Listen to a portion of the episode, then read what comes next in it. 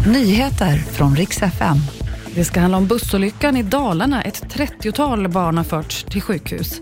Och kungen han är hemma igen från sjukhuset och han ska må bra efter omständigheterna. Vi ska börja med att polisen har hållit en tyst minut idag för regionpolischefen Mats Löving. Han hittades alltså död i sitt hem igår. Såväl kollegor som polisen har uttryckt sin sorg under dagen.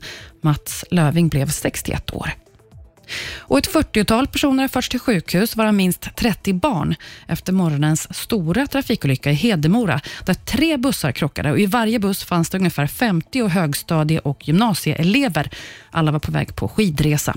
Olyckan inträffade vid halv tio i morse och det var dåligt väglag. Några ska vara allvarligt skadade, ingen har livshotande skador.